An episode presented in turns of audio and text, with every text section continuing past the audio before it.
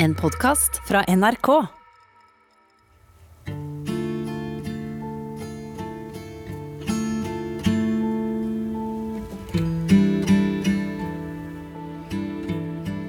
Mot slutten av forrige episode gikk det utfor med Håkon Banken.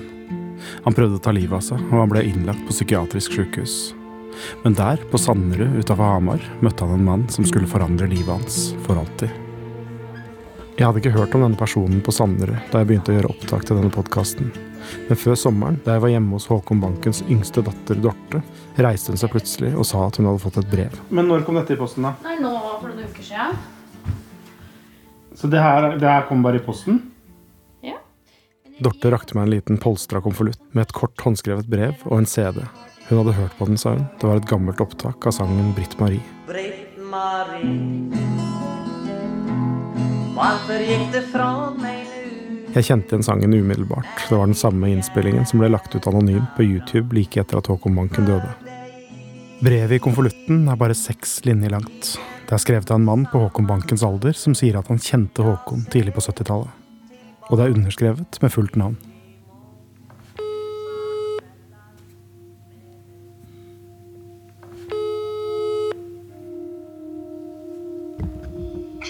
Ja, hei, dette er Joakim Førsund som ringer. Du, jeg har prøvd å ringe deg et eh, par ganger. Eh, du, vet, du vet kanskje hva det gjelder? Det, det, det gjelder et brev som du sendte til uh, Dortebanken. Mannen som skrev brevet, ønsker å forbli anonym, men han forteller meg hvordan det var. Han hadde også vært pasient på Sanderud, og han og Håkon Banken var blitt venner. De snakka om biler og musikk, og snart tok Håkon fram gitaren sin og spilte en sang han hadde skrevet sjøl, om ei jente som hadde forlatt ham. Hun var fra Värmland og het Britt Marie. Håkons venn tok opp sangen på en Tandberg-opptaker, og etterpå, da han var skrevet ut, spilte han Britt Marie på en fest i bygda han kom fra. Og det var nå Håkon Banken ble oppdaga. For det var en slags agent på denne festen, en mann som reiste rundt i Bygde-Norge og samla skillingsviser og spora opp musikalske talenter. Og sånn havna amatøropptaket fra Sanderud psykiatriske sjukehus hos norsk platebransjes mektigste mann. Dette er andre del av balladen om Håkon Banken. Jeg heter Joakim Førsund.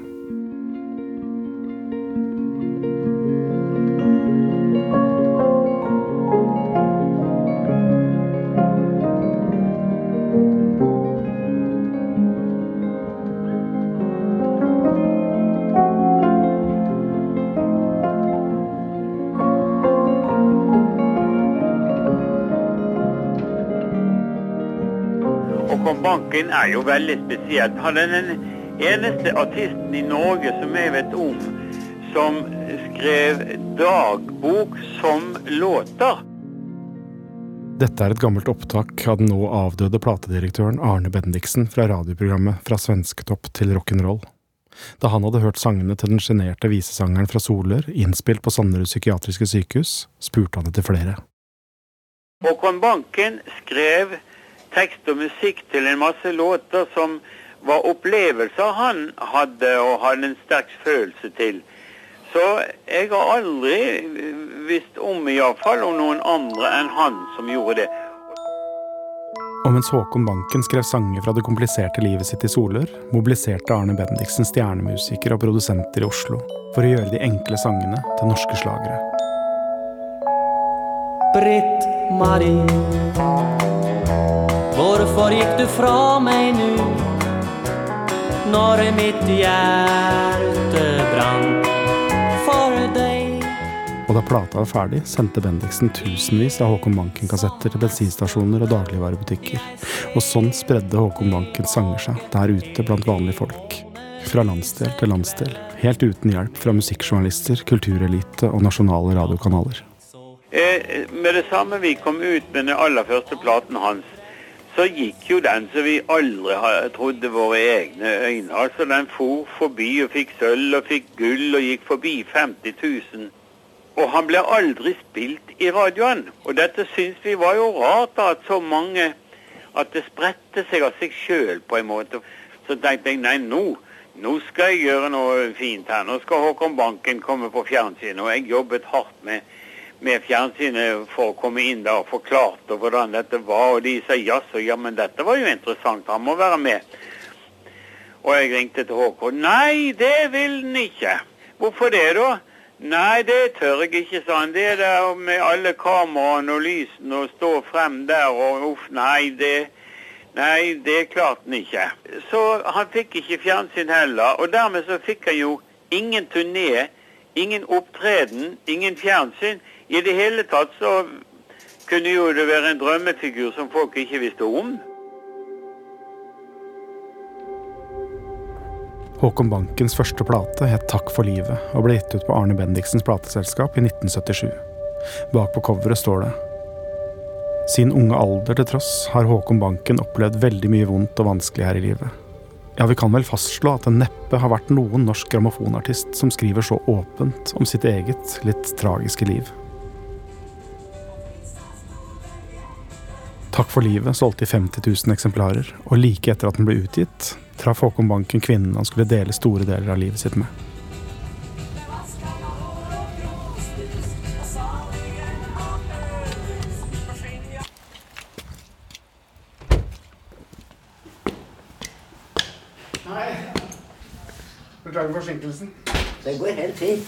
Pensjonist, jeg, vet du. Elsie Banken bor i en leilighet ved enden av Kaffegata på det lille tettstedet Flisa med utsikt over Glomma, akkurat der den svinger 180 grader og slynger seg som en S sørover.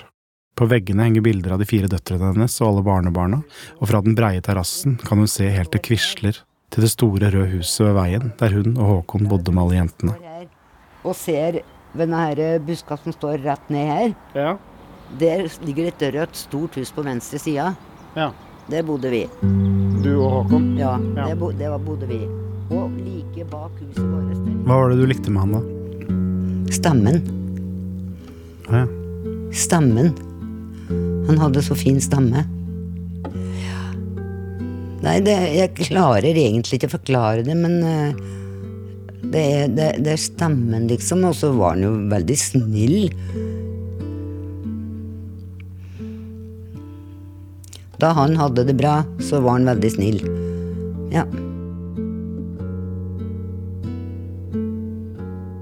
Elsie jobba som sykepleier på Kongsvinger og bodde aleine med den fire år gamle dattera si Elin da hun traff Håkon Banken i 1977. Håkon hadde vært innlagt på psykiatrisk sykehus fem-seks ganger allerede.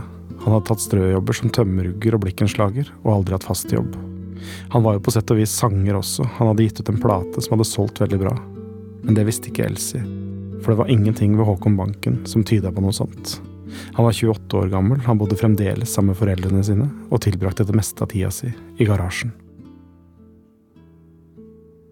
Hvordan, hvordan traff du Håkon Banken? Vet du, det var egentlig veldig tilfeldig. Fordi at eh, jeg hadde en bil som um, Vinduspussemotoren hadde røket på. En eh, Mini. Morris Mini. Og så har jeg ei venninne som arbeidskollegaen hennes, hun bodde hjemme til Håkon.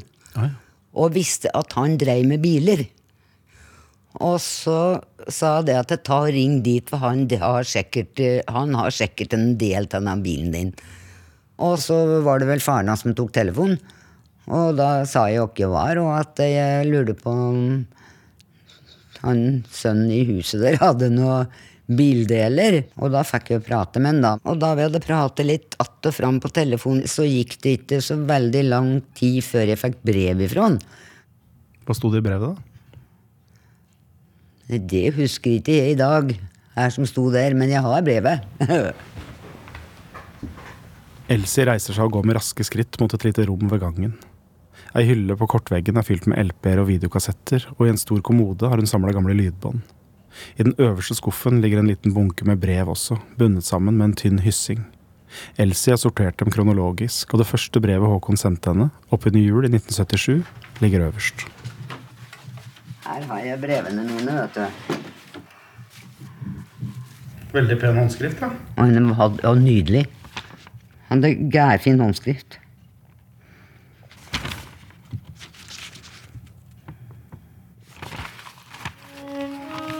Kanskje.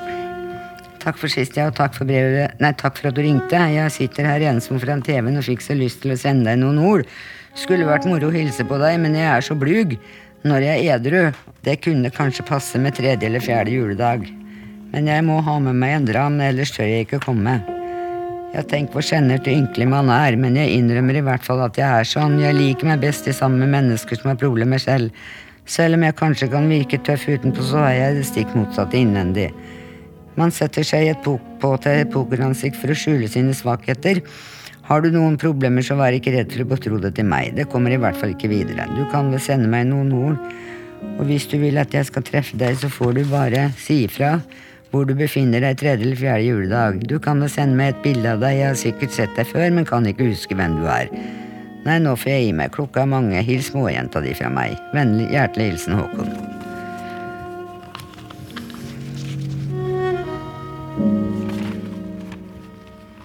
Svarte du på brev, du òg, eller svarte, ringte du? Jeg skrev brev så han kom på besøk fjerde, tror det var fjerde, tredje fjerde juledag. Da kom han på besøk. Hvordan gikk det? Var han sjenert? Og veldig. Var nesten så en så under luggen. Hvordan, hvordan uh, gikk det til at dere ble et par, da? Nei, det ble vel det at han stadig kom tilbake på besøk, da. ja. Han var jo Han var jo en veldig kjekk mann, Håkon. Han var jo det. Men visste du at han eh, var plateartist? Nei. Hadde ikke peiling. Han skulle bare, bare fikse vinduspussmotoren. Nei, han hadde jo aldri hatt noen opptreden eller noe da. Nei. Føre det. Nei. Men da begynner det jo Så den første opptredenen var på Rådhuset på Flisa. I kinosalen der. Husker du det? Husker jeg godt. Jeg kjørte. Da hadde han en blå Ascona som man hadde rett opp ifra vrak. Og, og jeg kjørte den da fram av inngangen til scenen der på Rådhusflisa. Og parkerte der. Og, og, og jeg veit at han grudde seg gæfælt. Han var helt ifra seg. Kommer det noen der? Kommer det ikke noen? Men det var jo fulle hus. Folk jubler og klapper. og jeg så jo at han var nervøs og at han var gærredd. Men eh, det gjorde sikkert ikke andre. Hvordan så du det? da? Nei, men han flakker med blikket, da. Han fester ikke blikket på noen, liksom. Han veit ikke hva han skulle gjøre av seg, på en måte. Nei. så- Men eh, det gikk jo veldig bra. Han fikk jo utdelt blomster og, og applaus. Og, og da vi kom ut igjen, da stimer det folk rundt oss. Og da, og da tok han opp bilnøkla til lommen, og så kastet han dem til meg, og så sa han 'nå reiser vi'. For da var det nukk. Da var det oppstyret. Da var det nukk. Skulle han ikke feire den første konserten sin? da? Nei, nei. Nei, nei. Vi reiste hjem igjen. Han hadde nok ikke trodd at det skulle ta av slik som det gjorde. Det hadde han nok ikke.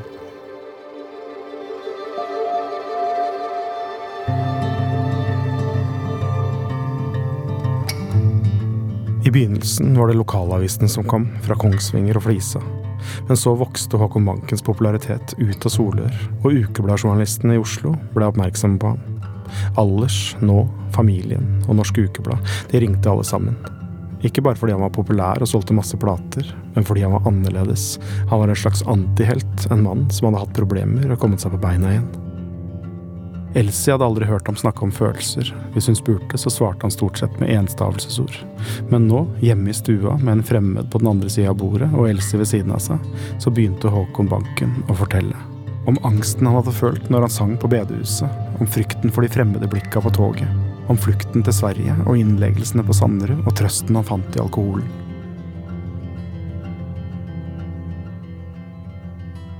Og det kom jo ifra alle ukeblader og presser som var, vet du.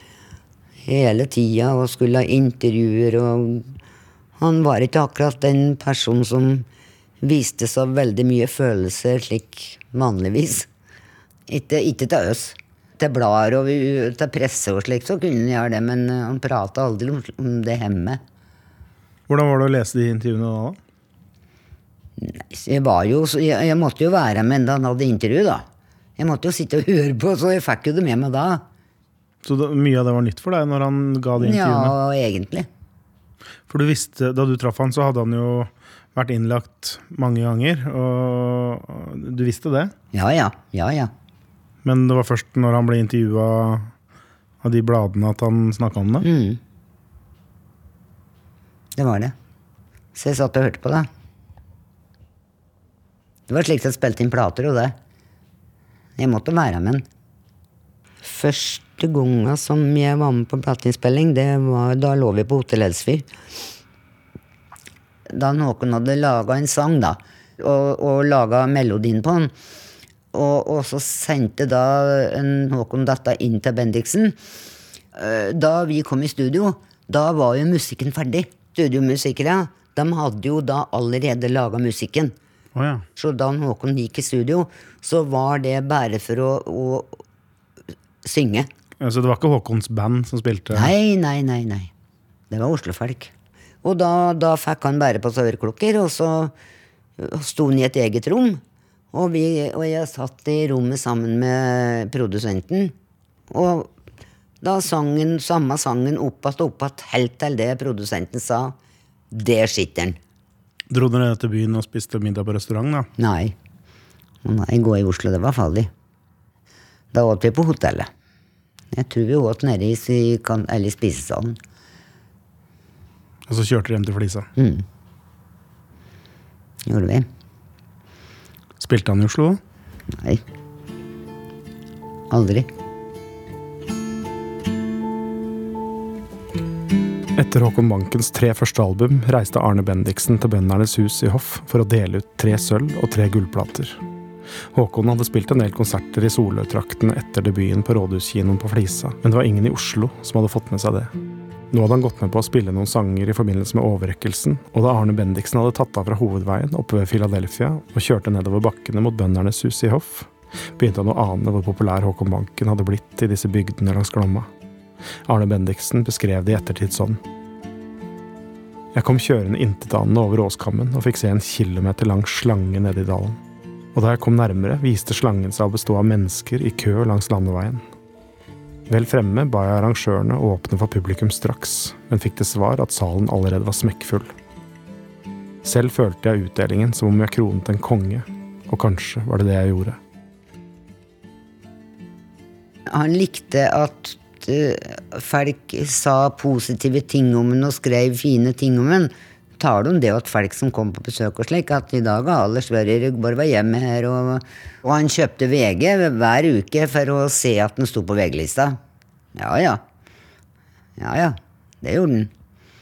Eh, og han likte jo å, å bli spurt om han ville opptre, men han, det var jo det som var dilemmaet hans, at han sleit med å opptre. Eh, og da ble alt så vanskelig. Elsie går inn på rommet igjen der alle minnene om Håkon ligger. Hun finner fram platen han ga ut de åra. Så det Takk for livet, er den første? Den første, Takk for livet, som han hadde med seg som gave den jula i 1977. Den neste som kom året etter, og de tre etter der igjen, som kom i 79, 80 og 81. Hver enkelt av dem solgte til gull, altså mer enn 50 000 eksemplarer, og med gullplatene kom presseoppslag, brev fra fremmede og intervjuer med lokale radiostasjoner. Så dette her er ting som jeg har gjemt, skjønner du. Elsie samler bilder, gamle intervjuer og kassetter i en pose. Og på en av kassettene ligger et gammelt intervju fra Melodiradioen i NRK Hedmark.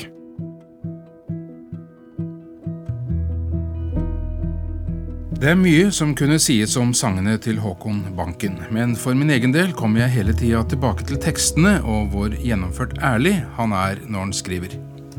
Ja, det er jeg. Og det er mange også som eh, ringer til meg i forbindelse med tekster og slik òg. Som eh, ja, kjenner igjen seg òg, da. Jeg er i hvert fall ærlig i det jeg skriver. Er du en religiøs person, hvis vi kan bruke det uttrykket? Nei, det er ikke. Jeg er oppvoksen i et av foreldre som er personlig kristne. da. Faren min er jo død, da. Og det er klart at det Jeg har vel vært preget av det etterpå, da. Håkon Banken har en ganske lang og aktiv platekarriere bak seg. Fra Takk for livet-LP-en kom i 1977 til den foreløpig siste utgivelsen, en CD-plate med nyinnspillinger av gamle, kjente sanger i 1991. Men ellers har det vært temmelig stille omkring Håkon Banken. Ja, det har vært rolig lenge nå. Det har jo vært meninga at jeg skal lage en ny innspilling, men eh, det har ikke skjedd noe ennå. Men eh, det skyldes for kanskje mye meg sjøl, da. Ja, hvorfor, eh, hvorfor vil du stå på litt med det? Jeg er kanskje litt redd for å komme med ny produksjon nå. Jeg vet ikke Det er eh, Jeg har fått litt mer prestasjonsangst, liksom.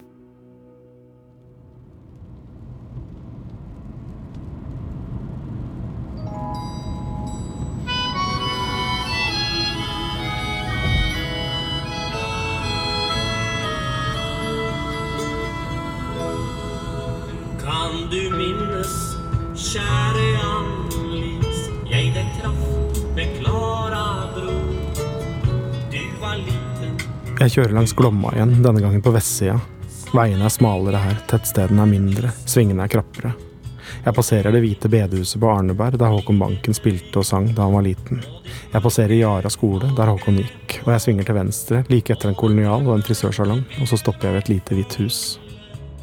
Dette er huset Håkon Banken vokste opp i. Han bodde her med foreldrene sine, helt til han traff Elsie. Men nå er det dattera til Elsie som bor her, Elin. Elin jobber som sykepleier, akkurat som Elsie gjorde. For tida er det mest nattevakter. Og hun bor aleine sammen med bikkja si, bullterrieren Chani.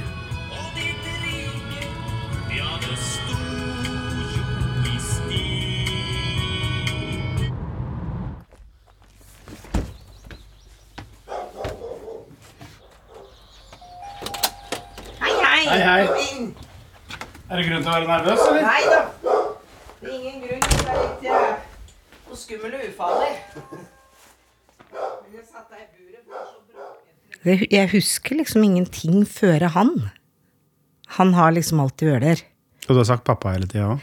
Eh, vet du her, jeg har aldri sagt pappa. Å nei.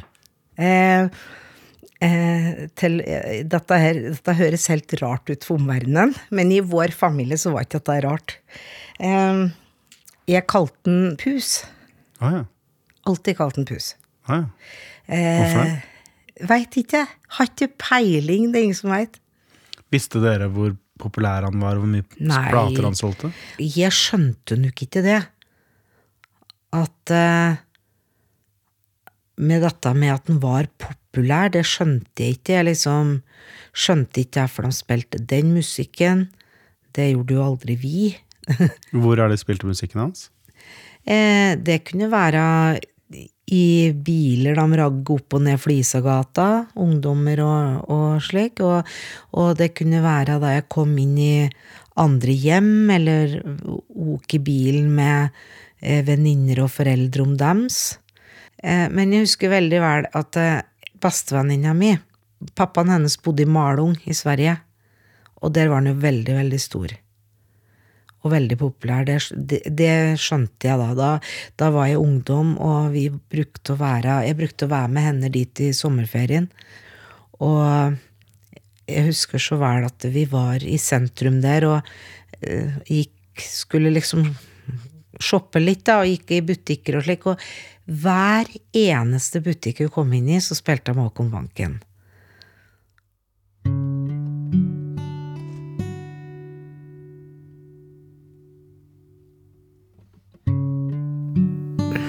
Han dreiv ned i kjelleren. Rette opp biler, lakkerte biler. Eh, Det stank jo lakk i hele huset etter tider. Det laga han til Altså Det laga han til et system Vi hadde pult og slike ting, og jeg husker at han satt nede ved den skrivepulten eh, og skrev noen tekster. Eh, og da husker jeg, jeg husker at han satt og klunkret med gitaren og og han skrev tekster først, og så fant han liksom, Så laga han melodi til dem etterpå. Eh, så husker jeg at han liksom kom opp, og da Da var det liksom en blanding. Da laga han seg to blandinger før han skulle legge seg. Eh, Hva mener du? Ja, det var eh, to glass med sprit og sitronbrus. Var det alltid to? Det var alltid to. I hvert fall i mange, mange år. Jeg trodde det var nord... Eller ikke normalt, men det var jo det jeg var vant til.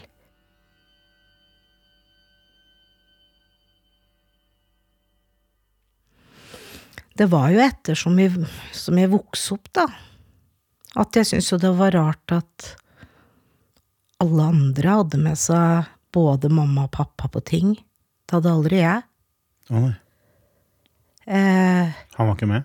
aldri. Hva slags ting? Alt ifra håndballtreninger, håndballkamper, skoleavslutninger, eh, 17. mai. Det var kanskje det jeg syntes var Det var kanskje det jeg begynte å reagere på først, tror jeg. For han var ikke med på 17. mai? Aldri. Det var flere ganger han ble med i bilen. Hadde han bytta seg? Ja, han skulle være med. Og vi bodde ikke like veldig langt unna skolen. Eh, så vi kjørte bare en liten bit, og så kom vi nedover en bakke, og da ser du Jaraskolen. Og da så han alle biler. Han var parkert langt eh, langs veien, da. Oppover. På begge kanter. Da ble han kjempestressa, og, og du må snu, og han ble helt slik. Han klarte ikke å ta seg sammen, altså. Liksom det Hva skjedde da, da? måtte vi snu. Og så måtte vi kjøre den tilbake hjem igjen. Ja. Så ble han igjen hjemme, og da satt han i hagen når vi kom igjen. Og da husker jeg bare at jeg sprang bort til han og fortalte alt jeg hadde gjort og slike ting.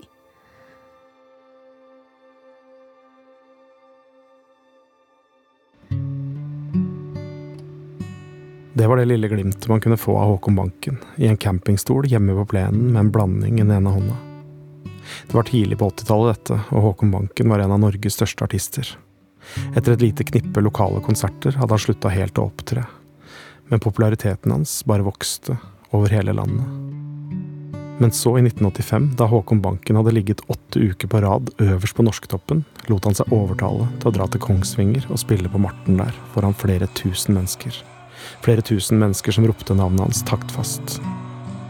Håkon Banken var redd for dem alle sammen, nesten. Alle bortsett fra Elin.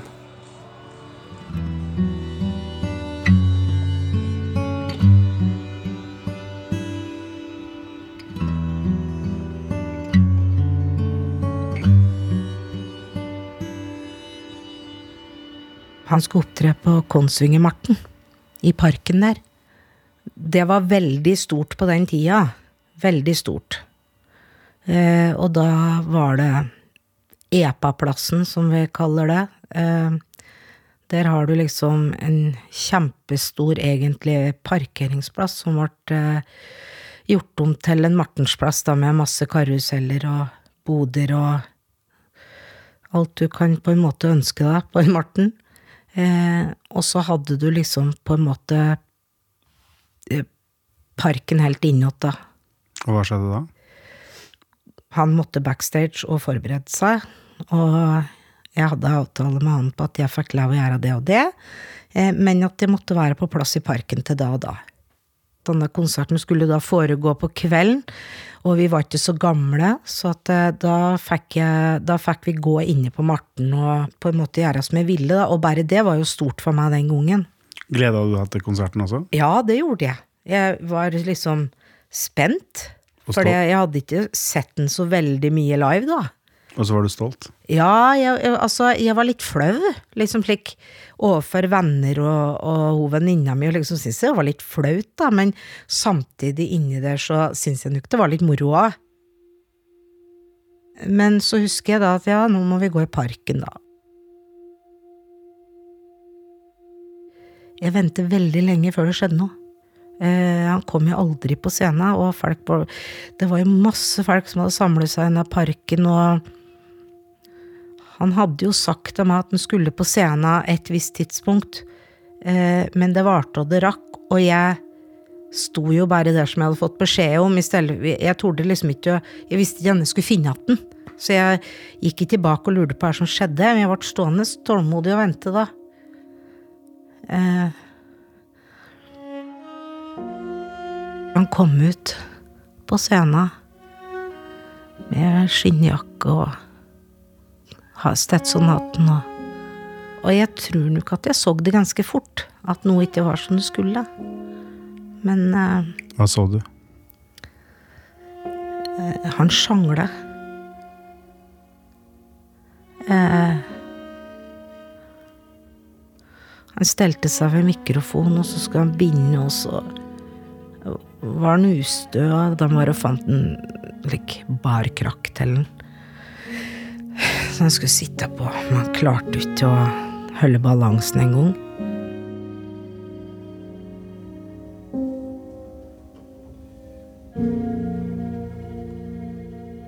Den konserten ble avbrutt. Ja. Eh, og da husker jeg sprang bak, og da husker jeg at da Og ikke sant, det var ikke noe som heter mobiltelefoner eller noen fasttelefoner i nærheten, og da følte jeg litt lik redsel, litt lik redsel for at ikke komme meg hjem at jeg ville hjem til mamma, liksom, ja, ja. Jeg har liksom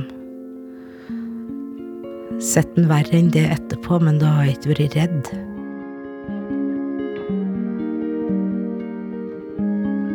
Håkon Banken ble hjulpet av scenen mellom sang nummer én og sang nummer to. Han ble kjørt hjem fra Kongsvinger av en bandkollega med Elin og venninna i baksetet. Og så forsvant han fra offentligheten, og han ble borte lenge.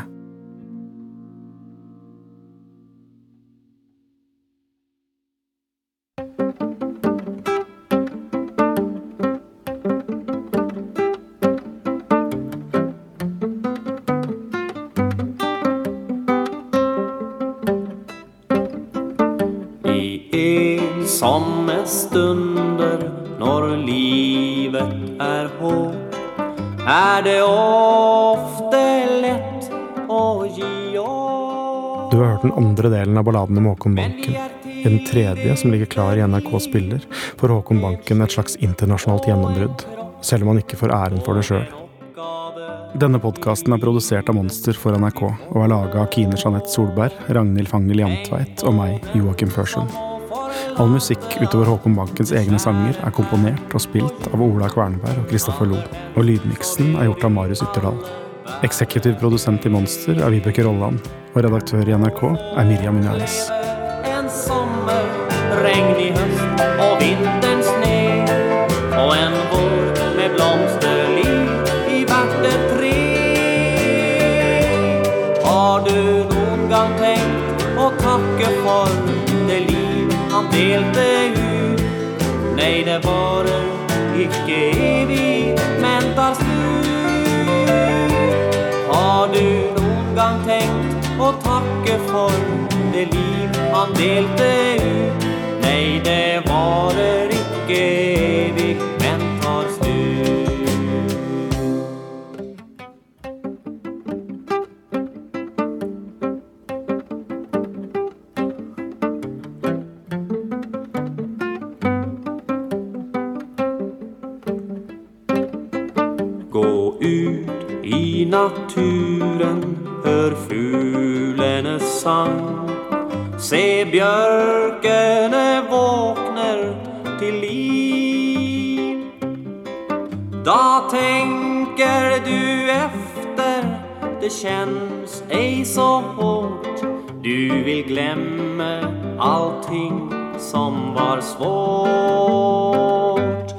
Tenk på dem som må forlate alt det kjære her på jord. Aller helst så vil vi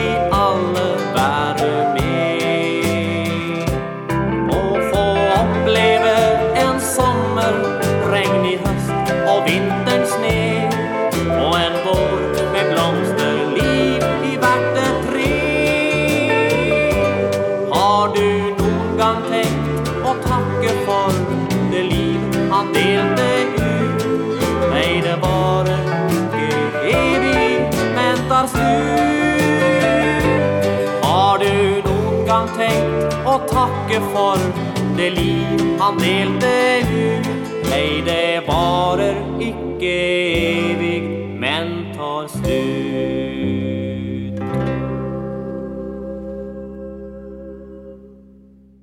Du har hørt en podkast fra NRK.